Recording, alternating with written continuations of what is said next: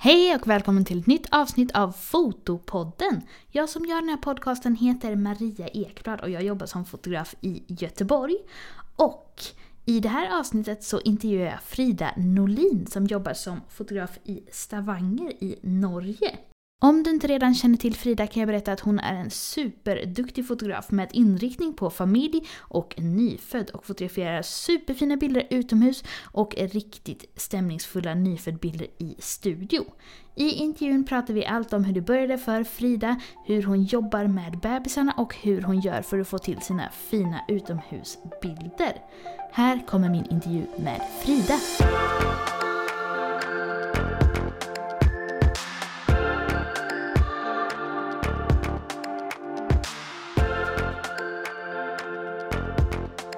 Men hej Frida och välkommen till Fotopodden!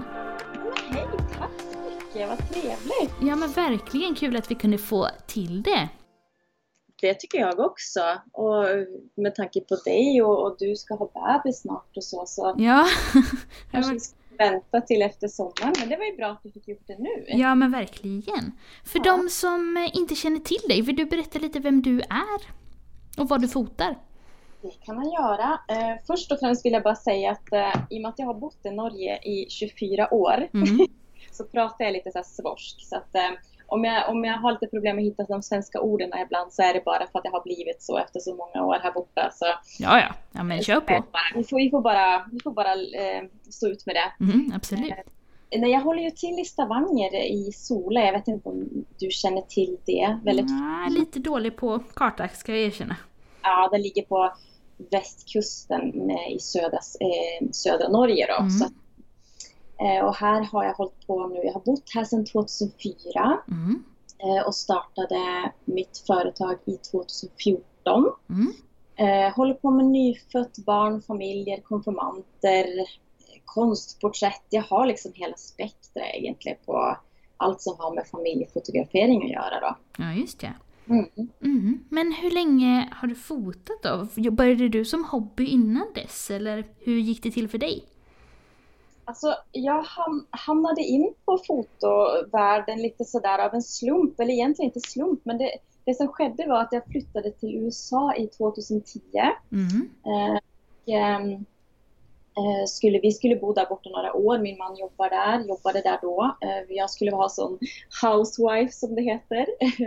eh, tyckte det var kul i två veckor och så tänkte det här funkar ju absolut inte för mig. Jag är van att jobba och har jobbat hela mitt liv känns det som. Men det var lite ovanligt att bli placerad i en situation att du skulle gå hemma hela dagen. Det var liksom inte min grej.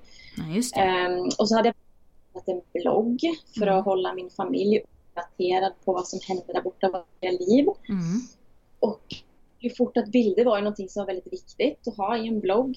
Mm. Ehm, och började, började liksom att bli mer och mer nyfiken på kamera och foto och allt det här med att ta bra bilder och blev egentligen bara totalt eh, ja, biten av basillen. Eh, Mm. så jag, det blev bara, jag tog massa, massa bilder av mina barn och, och så blev det plötsligt att jag tog bilder av andras barn och så du vet, det bara rullade på som en Mm. sån boll. Ehm, och så gick jag massa kurser, till slut började jag gå på skola där borta eh, för att lära mig om fotografering och allt det tekniska kände jag ju att jag ville ha mer kontroll över. Ja. Ehm, så efter bott där borta i fyra år, då hade jag nästan fotat i tre av de fyra åren. Mhm. Ehm, Vad det spännande. var det som ett jobb, eh, för jag fick ju inte jobba där borta den gången. i, eh, Men jag hade det som en sån hobby eh, sak bredvid, bredvid det och vara hemma då med barnen och så. Mm. Ja, vad kul. Mm. Jättespännande. Så det, vart ju, eh, det blev ju så att när jag då bodde där borta så byggde jag mig upp en egen portfolio känns det som att det var liksom klart när jag kom hem eh, Mm. i 2014 och så var det det, ska jag gå tillbaka till mitt gamla jobb. Jag hade jobbat som inredningsdesigner i många år och kände liksom att nej, men jag tror jag vill satsa på foto. Jag känner jag lite, jag är klar, jag vill prova, se om det funkar. Ehm, jag hade ju inga kunder här när jag flyttade hem så det var ju liksom lite så här gambling på ja men går det så går det. Jag ger ett år. Jag sa till min man, ge mig ett år så ska jag bevisa att jag klarar det. Mm. Och det gick ju bra verkar det som. Ja, det gick. Det var pangstart. Det var liksom rätt på, på med massa kunder och sen har det bara byggts upp och byggts upp. Så att, eh, det är en Mm. otroligt spännande resa. Ja, vad häftigt. Men när du då kom tillbaka till Norge och skulle ha det här året, du sa att det blev massa kunder direkt. Vad gjorde du för att få in de kunderna och etablera dig där då? Ja, det var ju väldigt intressant för man vet ju inte alltså, hur ska folk hitta mig? Hur ska, de, hur ska de få tag i mig? Jag hade ju en eh, webbsida eh, mm. som jag hade, hade klart. Så den, det kände jag liksom, det var liksom en utgångspunkt. Sen var det ju väldigt mycket med sociala medier. Det var mm jobb med Facebook, Instagram, la ut bilder. Eh, folk var duktiga och rekommenderade mig. Jag hade ju vänner här från tidigare, för jag hade ju bott här före jag flyttade till USA och de var väldigt duktiga och rekommenderade mig vidare. Så det blev väldigt mun till mun och så den gången kände jag att Instagram var mycket mer vänlig med att man nådde ut till fler på något vis. Mm, det har ju ändrats en del det senaste. Jättemycket på det. Nu, nu är det mycket mer svårt och tungt att jobba med men den gången så kände jag att det var liksom de kanalerna jag nådde ut till mm. för att få kunder. Mm. Ja just ja. Och hemsidan, var den då liksom designad för att nå ut i Norge då med SEO, sökord och sånt? Nej, det var den ju inte. Det var lite problematiskt där i början när jag var tvungen att sätta mig in hur det fungerade här för jag hade ju byggt upp den i USA och så där var man ju tvungen att ändra lite grejer så det tog lite tid men, eh, men allt går ju om man bara vill så att eh, mm, Ja men verkligen. Nu funkar den för Norge och Sverige och Norden då. Mm. Mm. Ja, vad kul! Och har du eh, fotograferat samma inriktning eller nisch hela tiden sedan dess? Eller hur har det sett ut för dig? Ja, det har jag faktiskt. Jag hade ju, jag är ju liksom, jag hade ju tagit väldigt mycket nyfött där borta. Jag gillade nyfött, kände mm. jag på min grej. Eh, sen hade ju inte jag studio när jag bodde i USA så jag använde ju mycket naturen och där vi bodde, vi bodde i Houston så där var det väldigt varmt och vänligt. Mm. Så det gick ju att ta bilder ute hela året där borta, så jag hade mycket utebilder. Och det blev ju fort det att det var liksom det mina kunder ville ha när de kom till mig. Så att eh, det, var, det blev väldigt mycket utebilder med barn, familjer, ettåringar och så blev det ju nyfött då. Och då eh, gjorde vi ordning i det rummet uppe i vårt hus där vi bor nu. Mm. Eh, byggde om det studio, 15 kvadratmeter, mm. jätteliten studio men det. Eh, och, och, jag var faktiskt där i fyra år i mitt eh, lilla hemmastudio förrän jag, ja, jag växte ur det då. Det blev, mm. för, det blev pågång och för mycket kunder in och ut i mitt, ja. mitt privathem. Det blev lite, lite för mycket där. Jag kan tänka mig det. Och man kan ju ha ganska mycket rekvisita och grejer också som nyfödd och studiofotograf. Så det kan ju ta över lite ibland. Ja, och jag hade ju med mig, jag kommer ihåg när vi skulle flytta hem så hade vi ju utdelat en sån container att okej okay, den här containern ska era möbler mm. fyllas vid jag ska hem till Norge och det var ju, jag tror hälften av den containern var ju fyllt med bara mina saker, saker till nyfödda. Mm. Så, ja, det blir mycket, men jag hade ett bra rum och högt i taket så det fungerade väldigt bra. Ja, ja men det är ju bra. Jag, mm. Det var lite samma för mig när jag skaffade min studio, att det var väldigt skönt att kunna ha inte ha allt i lägenheten utan ha ett ställe där sakerna ska vara sen. Liksom. Ja, det, det är ju det med nyfotografering. Vi behöver ju oftast kanske ett extra rum för att ha alla våra, alla våra saker så det tar ju lite plats. Mm, ja men verkligen. Mm. Ja men vad kul! Men vad är det just med de här inriktningarna familj och nyfödd som du tycker om? Ja, ja det är väl det att jag... Alltså jag tar ju inte familjer inne i studio överhuvudtaget utan allt sånt sker ute för mig. Mm. Jag har bara nyfött och ettårsbilder kombinerat gärna med ute. Men någon vill bara ha inne och någon vill ha ute. Men, men det är väl det att du får möta alltså barn och familjer. Det är ju så mycket glädje i det. Mm. Alltså, man vet ju aldrig vem man möter när man, har träff när man träffas upp på en lokation. Man har haft lite kontakt i förkant med mail och så. Men du vet ju egentligen aldrig helt vem är det som, som står där när, vi kom, när jag kommer. Och, och barn, är de, är de klara för det här? Så det känns lite grann som att det är så spännande för att det, man får en slags utmaning nästan varje dag. Mm, och, ja men verkligen. Om vad man möter och det är ju det som gör att vardagen till en fotograf är så spännande. Mm. Eh, vi, ingen dag är ju så lik. Det är ju bra dagar och dåliga dagar men allt det här med att möta människor och möta barn och familjer och, och få vara en del av av dem en liten timme där det, det är otroligt spännande. Så mm. det ger mig mycket energi att få vara ute i naturen och eh, ta bilder av barn och familjer. Mm. Absolut. det brinner jag enormt för. Men fotar du ute även eh, på vintern? Det gör jag. Mm. Det gör jag. Mm. Ja, det är ju som sagt, vi bor ju på Västlandet här i, i Norge och här är det ju det är ett kustlandskap så att eh, vädret är ju inte med oss alltid. Men vi har inte så mycket snö då utan vi har mer så, det är ju, det är ju en lång, lång höst Mm. med mycket regn och, och stormar och så men, eh, men alltså jag går ut, det spelar ingen roll, så länge det inte spöregnar och blåser och är jättekallt så, så är det ju bara att klä sig gott. Jag brukar ju säga det till föräldrarna som, som, som bokar då att det, det är ju så länge vi klär oss bra med ull, ull på ull, på ull-lag och ehm, eh, ja, så får vi bara göra lite kortare då om det är lite kallare, dag, kallare dagar men annars så kan man vara ute och alla årstider. Och alla årstider är ju unik på sitt sätt. Ja, just det. Ja, verkligen. Och det ser man ju i ditt flöde också, mycket fina bilder från olika årstider. Ja, och så tycker jag det är så kul också att visa om till exempel jag har en ettåring som har bokat ettårsfotografering så tycker jag det är så fint att visa då att vilken årstid det här barnet faktiskt var född. Mm, just Eh. Okej, där är ett vårbarn eller ett höstbarn eller vinterbarn. Det kan du ju inte se eller genspegla i en studio. Mm. Så att eh, få fram personligheten lite mer känner jag. Mm, ja, precis. Hur eh, brukar du eh, lägga upp dina nyföddfotograferingar då? Eh, sån helt som generellt hur Mm. jag jobbar eller Ja, har du Ja. något eh, schema du brukar fota enligt eller anpassar du mycket beroende på? Ja.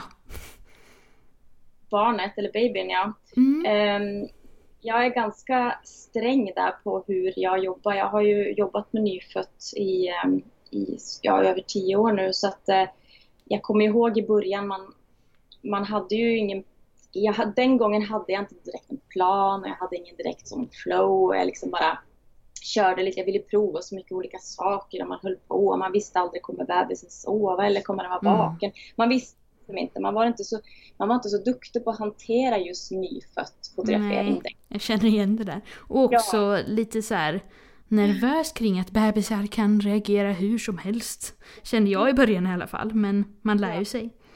Ja, och så visste man ju aldrig liksom, kommer jag jag några bilder idag eller får jag inte några bilder? Det var ju väldigt så också. Mm. Mm, så jag bestämde mig ganska fort för att nej, men nu måste jag ta kontroll över den här fotograferingen. Det är jag som eh, ska eh, bestämma hur det här ska fungera. Så jag, nu idag jobbar jag väldigt eh, strängt med ett helt specifikt flow. Jag börjar så, jag gör det och jag gör det. Jag gör samma saker varje gång. Det är Mm. liksom aldrig någonting. Någon gång kanske om det är, jag har fått en ny props eller jag vill pröva, pröva något nytt och bebisen är väldigt sovbebis så kan det hända att jag stoppar in någonting nytt i den flowen men annars så har jag exakt samma hela tiden. Mhm, vad spännande. Har Ja. du några sådana punkter eller rekvisita som du alltid gör som du vill berätta om?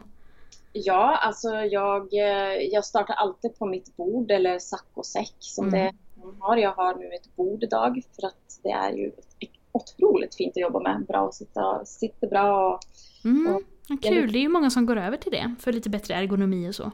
Absolut. Så att eh, bord rekommenderar jag absolut visst om du känner att du har lite ryggproblem och sånt. Så det funkar bra. Så jag börjar alltid på bordet.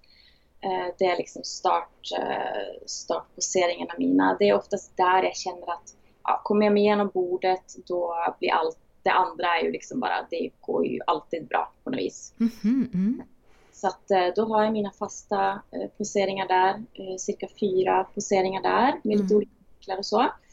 Ehm, och efter det så går jag rätt över på i sån bucket post. Nu säger jag det på engelska men Mm. förstår vad jag menar. Exakt, bebis i en bytta. ja, head on hands, man ligger liksom över kanten så. Mm. Eh, och sen när jag gjort färdigt det så går jag över på antingen tar jag på några kläder om bebisen sover gott eller så blir det att börja rappa då. Eh, Då är det eh, tre, två till tre olika uppsätt med wrapping olika färger, olika um, props och sådana saker. Mm.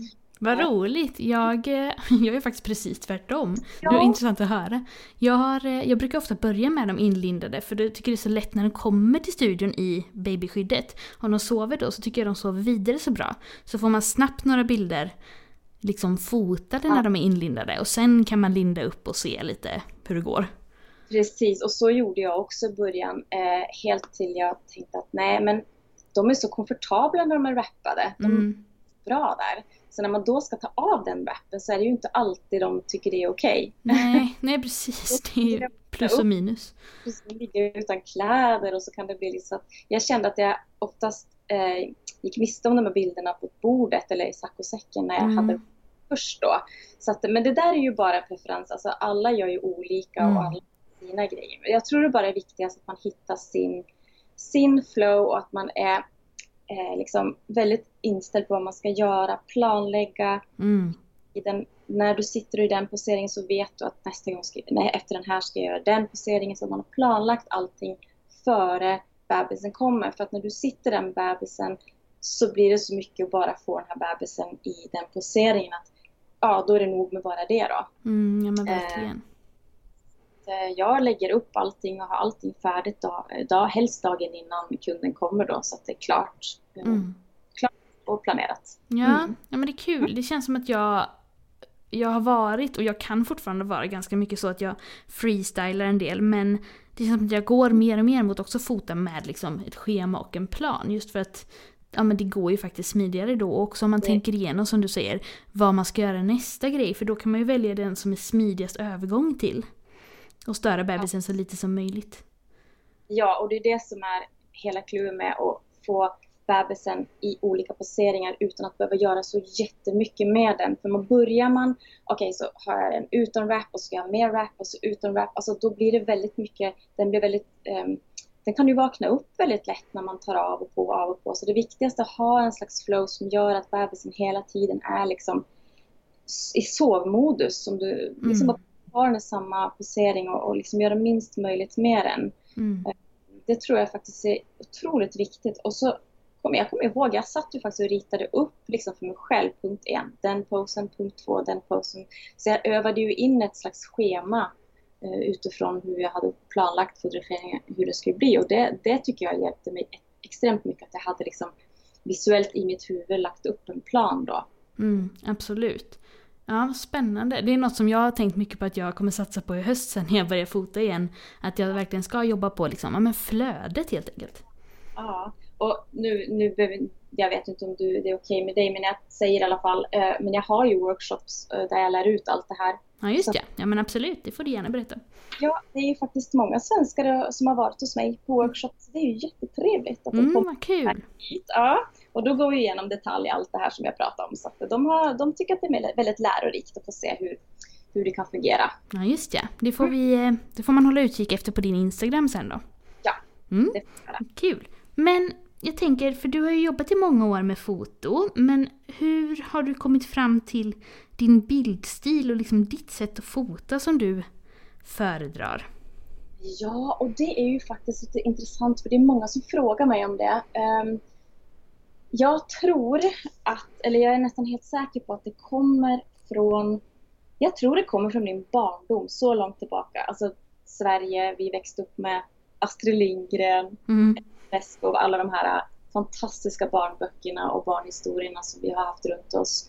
Ehm, och så var jag väldigt mycket hos min farmor och farfar när jag var liten och min farmor tog mig ut i naturen och i hennes grönsaksträdgård och jag var väldigt mycket runt omkring i det gröna med, med, liksom naturen runt mig då. Mm. Eh, och det, det ser jag ju idag att mina bilder också genskapar det här med den här lite mystiska, lite skog, den här skogstilen med ljuset och eh, väldigt många säger ju det att mina bilder är lite som, ett, som en saga eller som ett äventyr då, som de säger här i Norge. Mm. Eh, och det tycker jag är otroligt spännande och kul att höra för det är ju just det jag känner att det är min identitet då. Att Mm. Skog och natur ger mig mycket inspiration så att jag prövar att komma ut så mycket som möjligt och är det dagar jag liksom känner att jag inte har en inspiration så går jag med bara en promenad och så plötsligt ser jag en ny lokation eller jag ser en ny plats eller ja, man blir väldigt inspirerad då. Mm, vad häftigt. Och jag Ja. tycker det är väldigt kul när man tittar på dina bilder för att även om du har mycket nyföddbilder i, och liksom i studio så har du liksom vävt ihop det väldigt fint med dina utomhusbilder. Man ser ändå att det är samma fotograf och samma stil på det hela. Ja, och det tror jag faktiskt är väldigt viktigt att man hittar sin identitet och eh, genskapar den identiteten i allt man gör. Även om, om det är nyfött eller om det är ute i naturen eller om det är eh, fine art eh, eller vad det än är så är det viktigt att du visar fram i din identitet.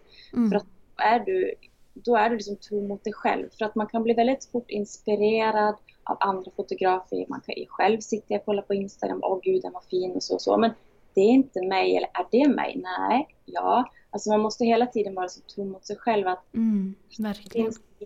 gör din grej och stå i det. För att trender kommer och trender går. Men jag tror att det är viktigt att man håller på, på det, man, det man trivs med bäst då. Mm. I alla kategorier. Så det är ju väldigt kul att även min stil genskapas i nyföddbilderna. För det är ju lite så här, det kan ju vara svårt på Mm. något vis att få till. Ja, Men jag provar att dra in lite naturen i de bilderna också. eh, På samma sätt som jag gör när jag är ute och fotar då. mm. ja men verkligen. Och jag tror det är något med vad ska man säga, färgtonerna och ljussättningen också som går igen mycket. Ja, det tror jag absolut. Mm. Så det, är mycket, det är ju inte mycket knarserosa och, och turkost och sådana färger i mina bilder utan det går i det naturliga med bruntoner och lite orange och lite grönt. Och, Mm. Ja, det vi har ute hos då. Vad kul. Hur mycket får eh, kunderna vara med och önska kring sina bilder? Alltså med färger och rekvisita. Ja, jag tänker med det mesta. Fotoplatser och sånt. Ehm, eh, nyfött, absolut ingenting.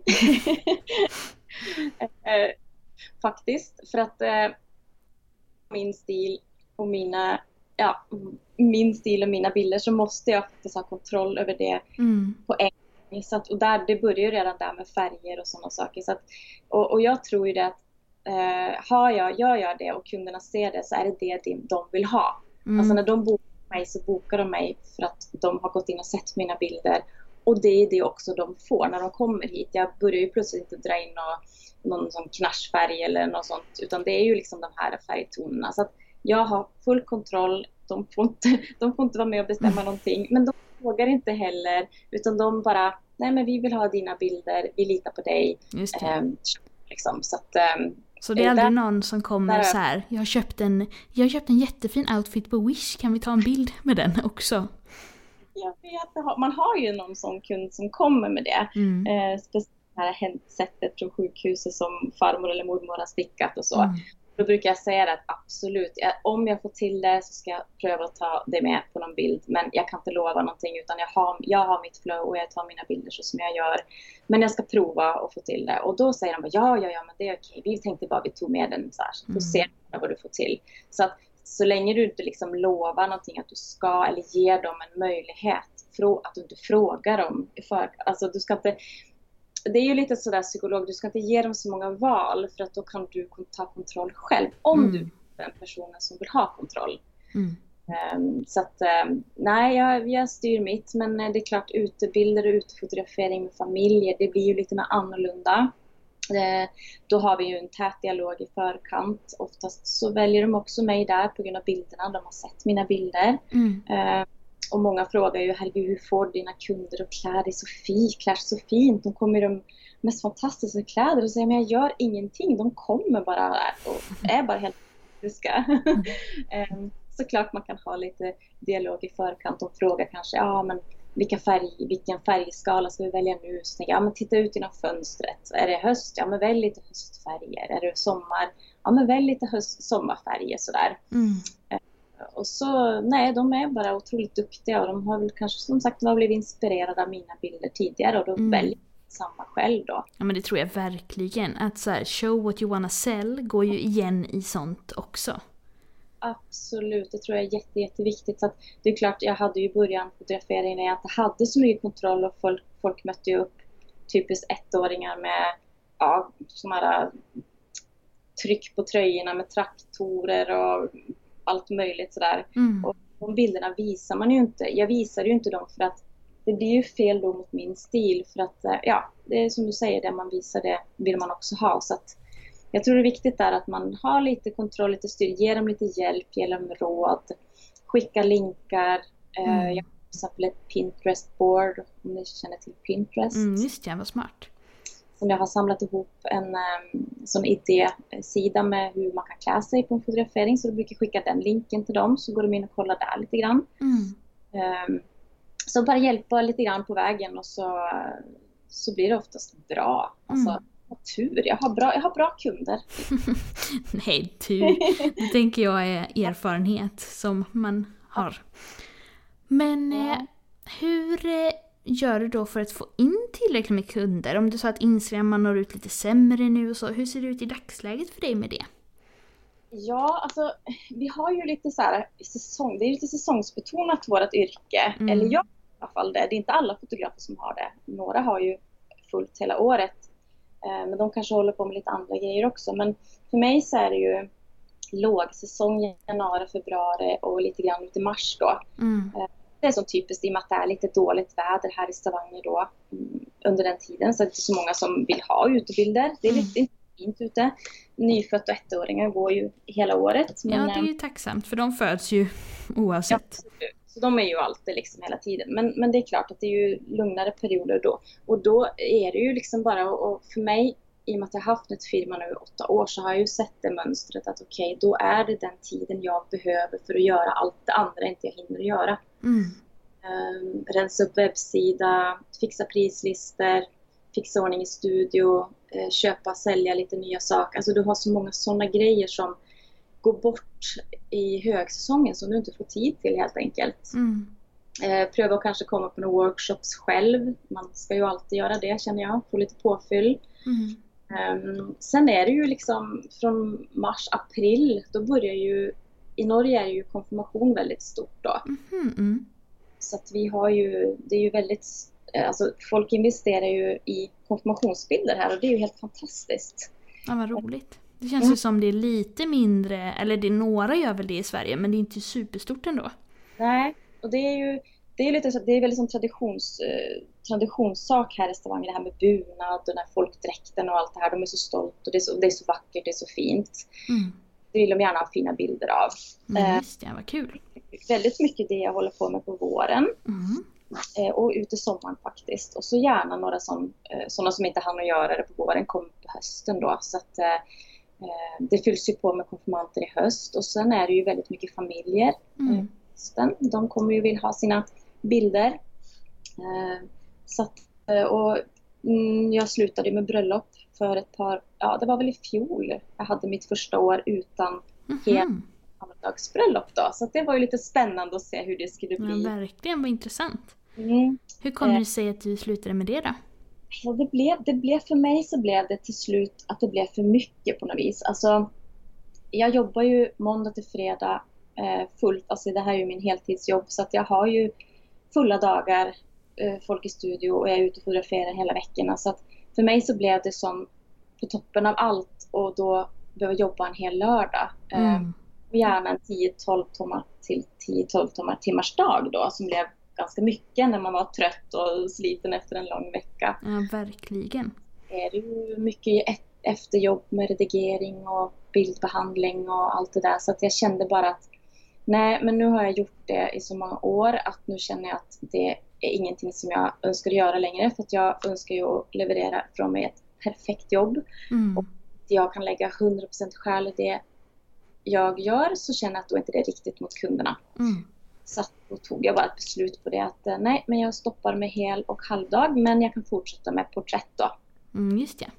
Så att eh, folk bokar mig fortfarande men då är det eh, porträttfotografering så då möter jag bara upp dem på lokation och så tar vi de här offentliga porträttbilderna en par timmar eh, tillsammans. Och, så, och det funkar jättebra för då Mm. kan jag göra andra saker resten av dagen. Ja, just det. Ja, men perfekt ju. Och så. Mm. Hur eh, gör du för att få kunderna att boka dig på vardagarna då? Är det aldrig någon som ber om helgtider eller sådär? Ja, just det, exakt. Det här är jätteviktigt. Eh, det brukar jag prata med mycket om där på min workshop. För det är den som konstant fråga. Där igen eh, är det någonting med att man ska, alltså på något sätt så är det ju, ger du dem ett val så väljer ju de det som är lättast för dem. Mm. Och om du är konsekvent med att du säger att du jobbar måndag till fredag, så som jag gör, måndag till fredag 9 till 4 Mm. är min arbetstid. Och det är ju detsamma om en person ska gå till frisören eller till tandläkaren. Det är på dagtid. Allt det här sker ju på dagtid. Så att om de verkligen vill så får de till det. Mm. Ja men så Det- är det ju verkligen. Det är ju bara planläggning. Om de, om de vill boka en ettårsfotografering hos mig så skriver de, fyller de i mitt kontaktschema och jag tar kontakt med dem tillbaka. Och så ger de ett par, tre datum med klockan tio. Eh, för det är oftast då jag tycker det är bäst att ta barnfotografering och gärna ofta familjefotografering också. Så det mesta av mina fotograferingar börjar tio på morgonen. Mm. Och då är det ju faktiskt så att okej, okay, det här det är det hon har och så är det några få faktiskt. Det möter ju alla eh, på ibland att ja, men vi jobbar eller vi kan inte ta ledigt från jobb eller hon mm. går på skolan eller ja, kan du en lördag? Eh, och då är det ju bara att förklara för dem att jag är i alla fall jag, eller jag är i alla fall en sån person, jag, jag vill, önskar inte vara borta från min familj mm. i helgerna. Nej. För det här är ett yrke som vi brinner för, vi ger hela vår själ alltså till, ifrån. Eh, och eh, ska jag fungera i den här businessen så måste jag sätta gränser för mig själv också. Mm. Jätteviktigt. Och, och då när du ger dem ett val, eller inte ett val, men du säger en, ett klockslag att det här är det jag har. Så de får, de får till det. Det är mm. otroligt. Alltså okej, okay, då kan det vara kanske lite korrigering med att ah, man kan väl säga 11 då för att jag måste ta ledigt från jobb eller, eller ja, självklart då gör vi ju så. Men, men det är liksom de dagarna och de tiderna jag har då. Mm. Ja, och det är ju som du säger, de som verkligen vill komma, de kommer ju oavsett. Sen får man väl riskera att man kanske tappar någon då på vägen, men ja. Men då, då är det någonting, okej okay, men då, då är kanske inte den, det den rätta kunden för dig heller. För att mm. det ska ju vara en match här också. De ska respektera dig och du ska respektera dem. Mm. Hela tiden. Så att eh, jag tror det är väldigt viktigt att ska man överleva den här branschen så är det viktigt att sätta gränser för sig själv. För att annars blir vi uppäten. Eh, för vi vill, vi vill ju gärna sträcka oss för, för våra kunder, vi vill ha in kunder. Men det går ju ut över dig själv till slut. Om du fortsätter så i längden. Mm. Tror jag, i alla fall. Det, jag tror det i alla fall fungerar väldigt bra för mig eh, att göra det så. Då. Ja. Och det, det är att förklara för dem att det är ju en investering. Alltså, samma sätt som du investerar i andra saker så investerar du i bilder. Så att hur gärna vill du ha dessa bilder? Mm. På något vis. Ja men verkligen. Mm, vad spännande. Det känns som att du har ganska mycket, vad ska man säga, det kommer jag inte på ordet på svenska, men mycket så boundaries på ett bra sätt. Ja, det tycker jag jag har. Jag har uh, fått en bra balans på det där. Um, och det tror jag är jätteviktigt att man har. Mm. Uh, skilja jobb och privat är också extremt viktigt. Um, jag märkte ju det när jag hade studio hemma, att det var lite svårare att skilja på det. För att mm. det var så när barnen hade lagt sig så var det så lätt att bara, nej men jag tar en timme och bara fixa några bilder och så blev det sittande tre timmar och så oj, det var den kvällen och så. Sånt, det, blev, det, det gled in i varandra på ett helt annat sätt. Mm. Eh, men eh, nu när jag har studio utanför huset eh, så släcker jag klockan fyra och så går jag hem. Och då har inte jag någon möjlighet att sitta och jobba för jag har min Mac här nere i studio och jag kan inte mm. jobba och jag svarar aldrig på mail efter klockan fyra. Nej. Vad, vad, ja, vad grymt.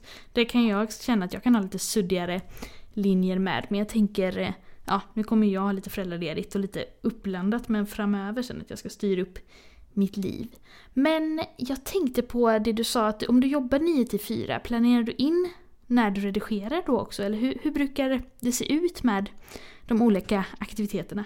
Hur dagarna ser ut liksom? Mm. Ja, eh, veckorna är ju lite olika från vad slags fotografering man har. Mm. Eh, jag brukar ofta som sagt alltid lägga in fotografering på förmiddagen, mm. så klockan tio. Så är det en nyfödd så vet du ju inte om det tar två timmar eller om det tar en och en halv timme eller vad det tar. Mm. Eh, det beror lite på bebisen. Men om jag har nyfött så brukar jag lägga in då att okej, okay, då fixar jag med bilder och svarar på mail och gör allt det där andra efter det. Mm. Eh, samma när det är ettårsfotografering eller familjefotografering så lägger jag det från 10. Eh, då kommer jag gärna in en timme före och bara förbereder mig lite grann. Eh, fixar det jag ska, svarar lite på mail, fotograferar och så tillbaka till studio och så fixar med bilder tills jag går hem klockan fyra. Så att jag brukar alltid lägga in eh, regissering av bilder efter fotografering och då tar jag alltid upp de bilderna från den fotograferingen den dagen. Mm -hmm och sortera galleriet på en gång och få det klart. För att då är jag inne i den fotograferingen. Så om jag lägger bort det galleriet och väntar ett par dagar så är inte jag i det galleriet. Förstår du? Man mm. är liksom rätt för fotografering, rätt till och eh, sortera bilder är den bästa, tycker jag är den bästa eh, sätt att göra det på för att du har allt klart i minnet. Du kommer ihåg allting. Och det är så Ja, mycket det. snabbare att gå igenom bilderna. Så att eh, mitt mål är alltid att fotografera, sortera kundens galleri samma dag de har varit här då. Mm, vad spännande. Jag har haft samma tanke för att som du säger, man är inne i det redan och det kan ju vara lite segare när man ska gå tillbaka till något några dagar efteråt. Lite mer att sätta sig och gå tillbaka fem dagar och det var den kunden, ja just det, så är ja. Man glömmer lite bort på något Mm. vis. Eh, så att det är ett otroligt bra tips det att bara, om man har tid och möjlighet, att bara ta galleriet på en gång och så bara, okej, så kryssar man av det på sitt schema. Den kunden är färdig. Men så väntar jag ju gärna några dagar först jag talar om för den kunden att det galleriet är färdigt. För att jag känner lite att ja, men det ska inte vara så, det ska inte gå så snabbt. Det ska vara, de ska få vänta lite och känna lite på den här, åh, hur blev bilderna? Precis, och man ska visa att man gör ju faktiskt ett stort jobb med bilderna också. Precis, att de inte känner, aha, har hon så lite att göra? Ja. men, eh, men så det är bara så jag har lagt upp det då. Så Mm. att göra bäst mig. För jag har ju en ny fotografering dagen efteråt så då måste jag liksom vara klar för den. Och så det rullar ju på hela tiden då. Med Mm. att du måste hela tiden vara, listan måste liksom vara kryssad, avkryssad känns det som för mig själv. Mm. Men vad skönt också för det blir ju mindre som man har hängande över sig om man gör klart det direkt. Det, det tror jag också är en sån här bra grej med tanke på det här med balans i livet. Att du inte ska ha grejer som hänger över dig. För att jag tror det är jättejobbigt för oss, speciellt oss som jobbar kreativt också när vi har saker vi skulle ha gjort. Eh, Mm. Så mycket andra grejer vi har i vårt huvud hela tiden. Planläggning, allt ska ske, mycket saker som ska på plats. Så jag tror det är väldigt viktigt för oss att man, att man har, man måste jobba ganska strukturerat på sådana saker. Sen kan man vara kreativ och frisläppt på andra saker. Men just den där biten tror jag det är viktigt att man har liksom, punkter på att man jobbar, jobbar efter. För att, eh, jag tror inte det är bra att gå runt och tänka på allt man skulle ha gjort. Nej, nej just ja. Mm. Jag eh, har ju en Facebookgrupp för fotografer och jag la ut på Fotopoddens Instagram också att man kunde ställa lyssnarfrågor till dig och det har kommit in en hel del olika här. Ja, spännande. Ja, så jag tänker vi kan börja med en från Stina som skriver att eh, hon vill jättegärna börja med nyfödd foto och har provat med några bebisar. Men tycker det är svårt och undrar vad du har för bästa tips för att få bebisarna nöjda och sovande. Ja, just det. Den där ja. ja. Den är också en svår grej i början. Jag också höll ju på jättemycket i början med det där.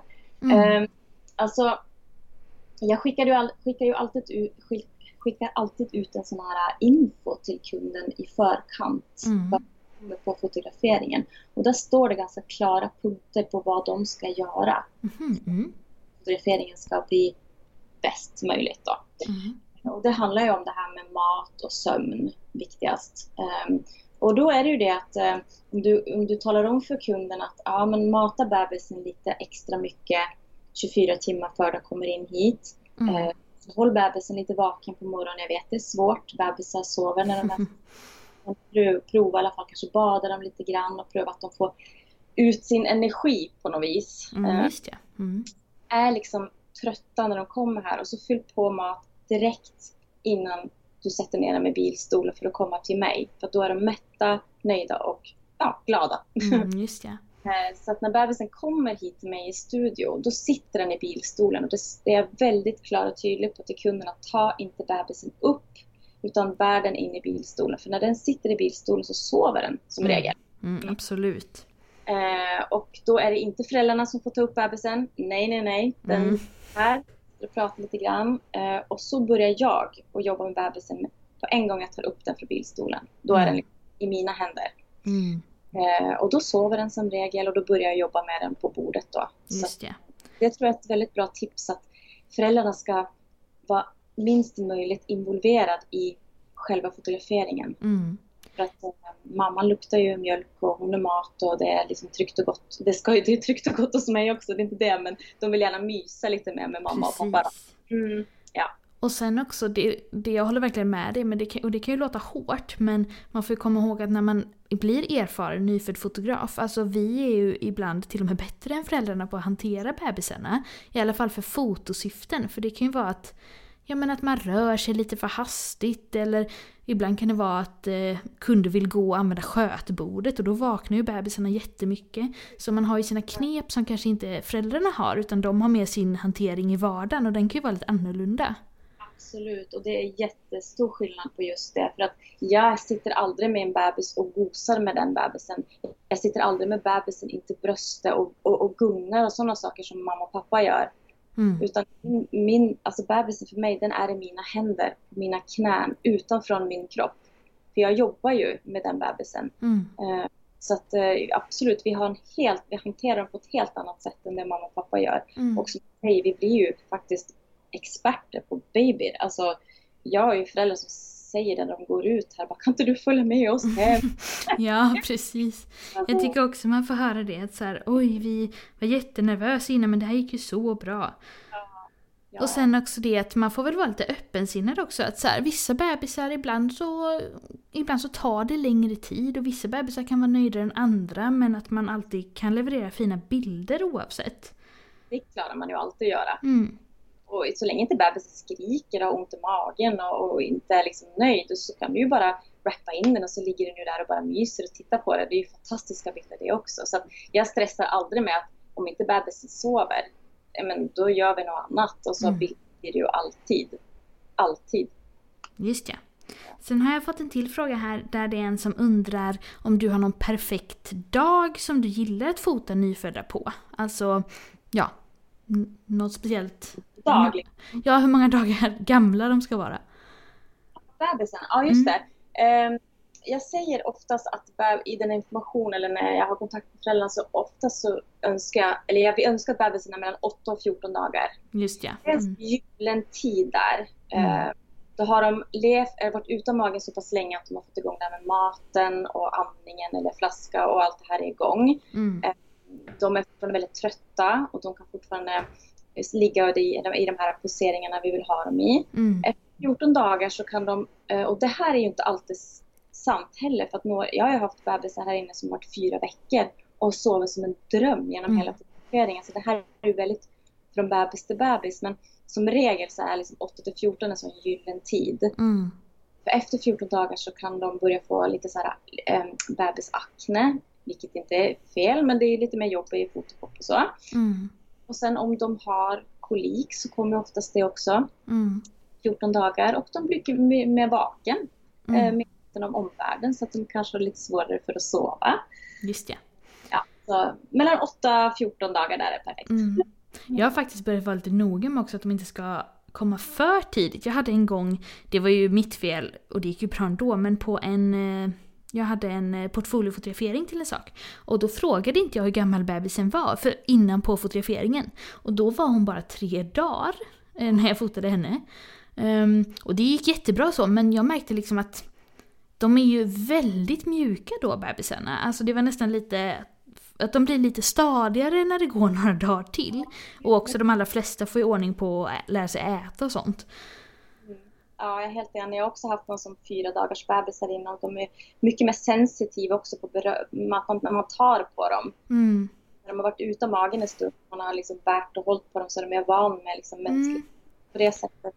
Och så är de inte som du säger, liksom, de, är, de är lite mer geléaktiga. Ja, och det är, det är sjukt egentligen att några dagar kan göra så stor skillnad men, men det gör ändå det att det kan vara liksom lite mer ja, men mm. stadigt på något sätt även om en nyfödd fortfarande är nyfödd.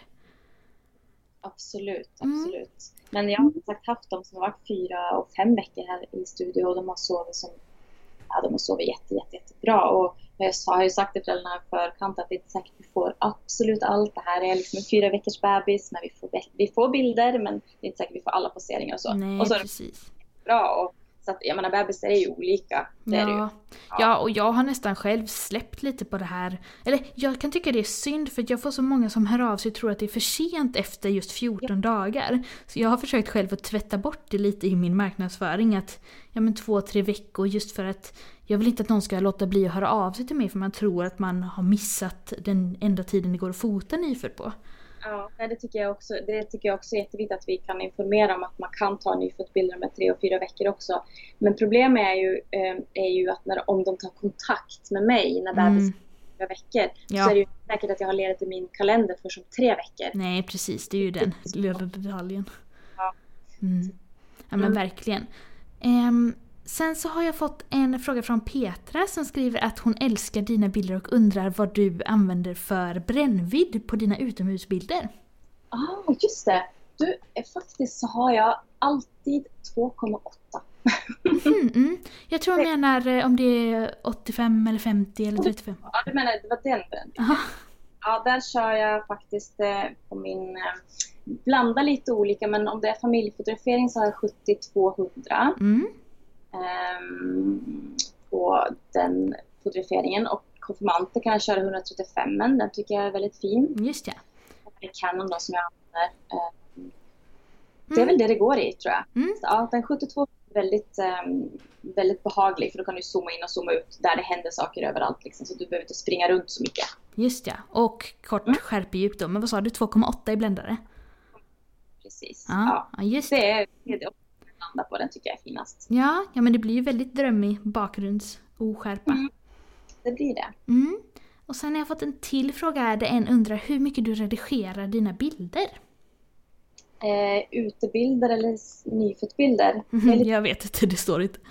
Ehm, ja, alltså jag använder nog lite, det tar, det tar lite tid, inte, inte mycket tid på utebilderna men där lägger jag lite mer tid för det är ju lite så här, den lite mystiska, lite äventyrliga stämningen som jag har på mina bilder. Där använder jag kanske lite mer tid på det. Kanske inte på alla bilder i ett kundgalleri men några som jag känner sticker sig ut lite grann och som jag känner lite extra för. Mm. Eh, Så att de kan jag gärna sitta och plocka en bild på kanske en, ja det kan ju ta en timme och sitta och mysa med en bild om jag har tid. Mm. Eh, Men annars så brukar jag inte använda så mycket tid. Då kanske det går en, några minuter per bild bara. Mm. Det är samma, samma steg hela tiden.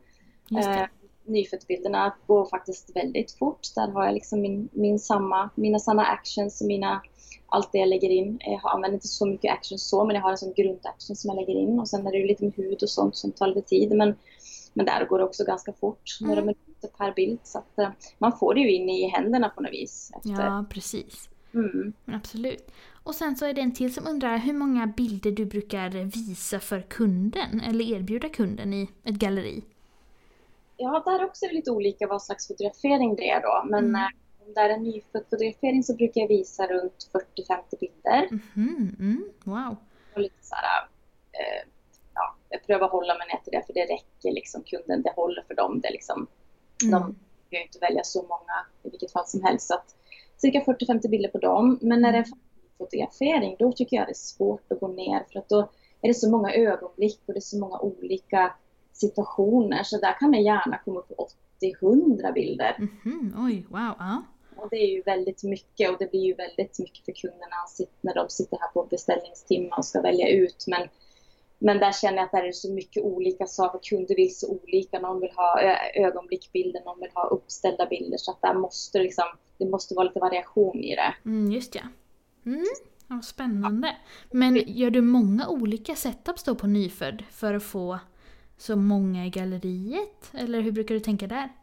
Eh, Jag har ju som sagt fyra poseringar på bordet där jag kanske också har lite olika vinklar. Mm. Så hårband, av med hårband, på med mössa, av med mössa. Så det blir ju, fylls ju upp ganska bra bords, bordsbilderna.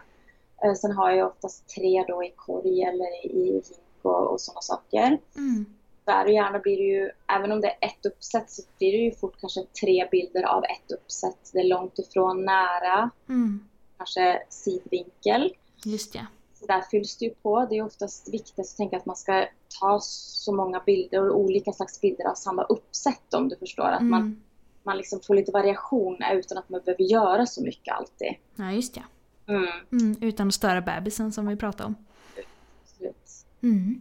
Ja men vad roligt. Men eh, Frida, om man vill hitta dig och dina bilder på internet, var går man då?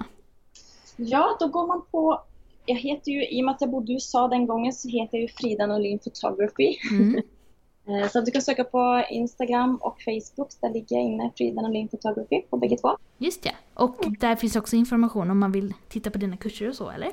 Ja, eh, nu per dags datum så ligger det inte ute någon workshop men jag håller på och planlägger den till hösten så att där får vi bara följa med lite grann. Då kommer lägga ut både på min webbsida och på, eller på nätsidan och på den sidan när det dyker upp någonting. Så att eh, får bara följa med lite så kommer det upp. Och då är det oftast så att eh, det blir bara lagt ut sex platser så att eh, då må man vara lite eh, snabb. Just ja, ja vad kul. Fotopodden har ju en Facebookgrupp så du som lyssnar får jättegärna gå med där om du inte redan är med. Den heter ju Fotopodden också. Och så finns Fotopodden på Instagram och Facebook och mig hittar ni på fotograf Maria Ekblad på Facebook, Instagram och på Youtube. Tack så jättemycket Frida för att jag fick låna dig en stund. Tack så jättemycket för att jag var med. Mm, det var jättekul. Ha det fint du som lyssnar också. Hejdå!